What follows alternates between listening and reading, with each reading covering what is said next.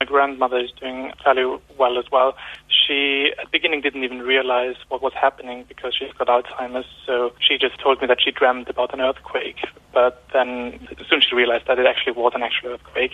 Personally, I haven't seen much because I'm stuck here with my grandmother and have to look after her. But I was told, or at least listening to the local Italian radio, the biggest problem right now is that some of these tiny villages, because they're on hillsides and on tops of small mountains, they only usually have one or two main access roads. Lorenzo Musburger sê die paaie uit die dorpies het ineengestort en dat die alternatiewe roetes baie swak onderhou word. So it's very difficult to access those places, diggers that they need in order to excavate those that have been buried under the rubble. It's not too bad. Apparently, I talked to some people in the neighborhood, and what happened is that some of the furniture collapsed, some creases in the plaster hit overnight, lights fell off. Apart from that, it wasn't too bad here, but mainly because this place was already very badly damaged by another earthquake a couple of years ago. So most of the buildings here have now been refitted with earthquake safe beams and they actually did a pretty job this time.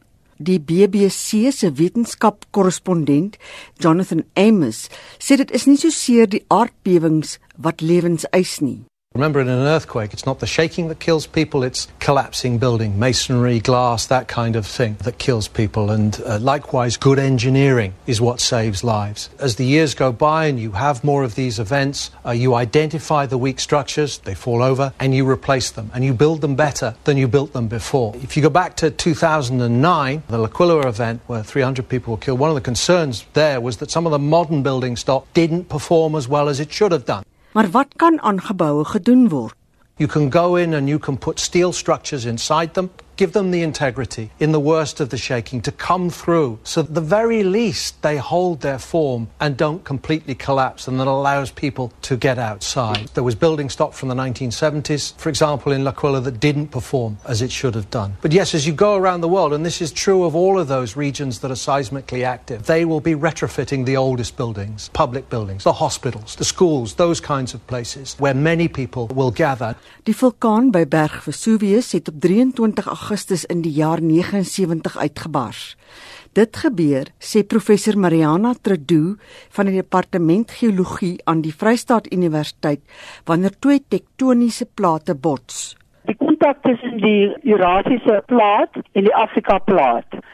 As jy kyk na Italië, die hak van die stewel, tegnies gesproke is deel van Asië, dit lê op die Eurasiese plaat. Maar die res van Italië, die voet van die stewel en meeste van die been lê op die Afrika plaat. Die kontak tussen die twee is dis wat ons noem 'n orogeniese gordel tussen twee plate wat te mekaar bots.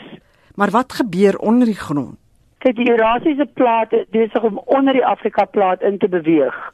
Maar dit bevat baie materiaal wat nat is want dit was in kontak met die see en daai nat materiaal smelt baie redelik maklik. En omdat dit dan nou gesmelt is, dit minder dig en dan kom dit weer na die oppervlakte toe en dit is wat al daardie vulkane voed in die westekant van Italië, Vesuvius en Stromboli en Etna word gevoed deur smelting van materiaal wat deur die subduksiesone teruggeneem word in die kors en in die mantel in. Sy sê die nat materiaal begin op 10 km smelt wanneer dit warm genoeg is.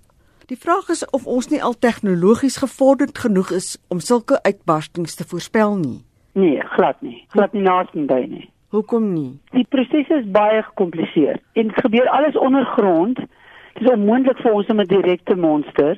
So mens weet nie hoe vinnig of hoe stadig. Daar is allerlei teorieë en daar is ouens wat kyk of hulle goed kan kry wat korreleer met die uitbarstings, maar tot op dese het ons nog nie 'n definitiewe ding wat jy kan sê as gevolg hiervan en hiervan kan ek voorspel dat daar oor so lank en so lank 'n uitbarsting gaan wees nie. Professor Mariana Trudeau van die departement geologie aan die Vrystaat Universiteit. Die jongste aardbewing in die Umbria gebied van Italië is die grootste aardbewing sedert 2009, toe 'n aardbewing suid van die gebied waar die aardbewing nou is, die stad L'Aquila getref het. 300 mense is toe dood. Mitsi van der Merwe, SAK nuus.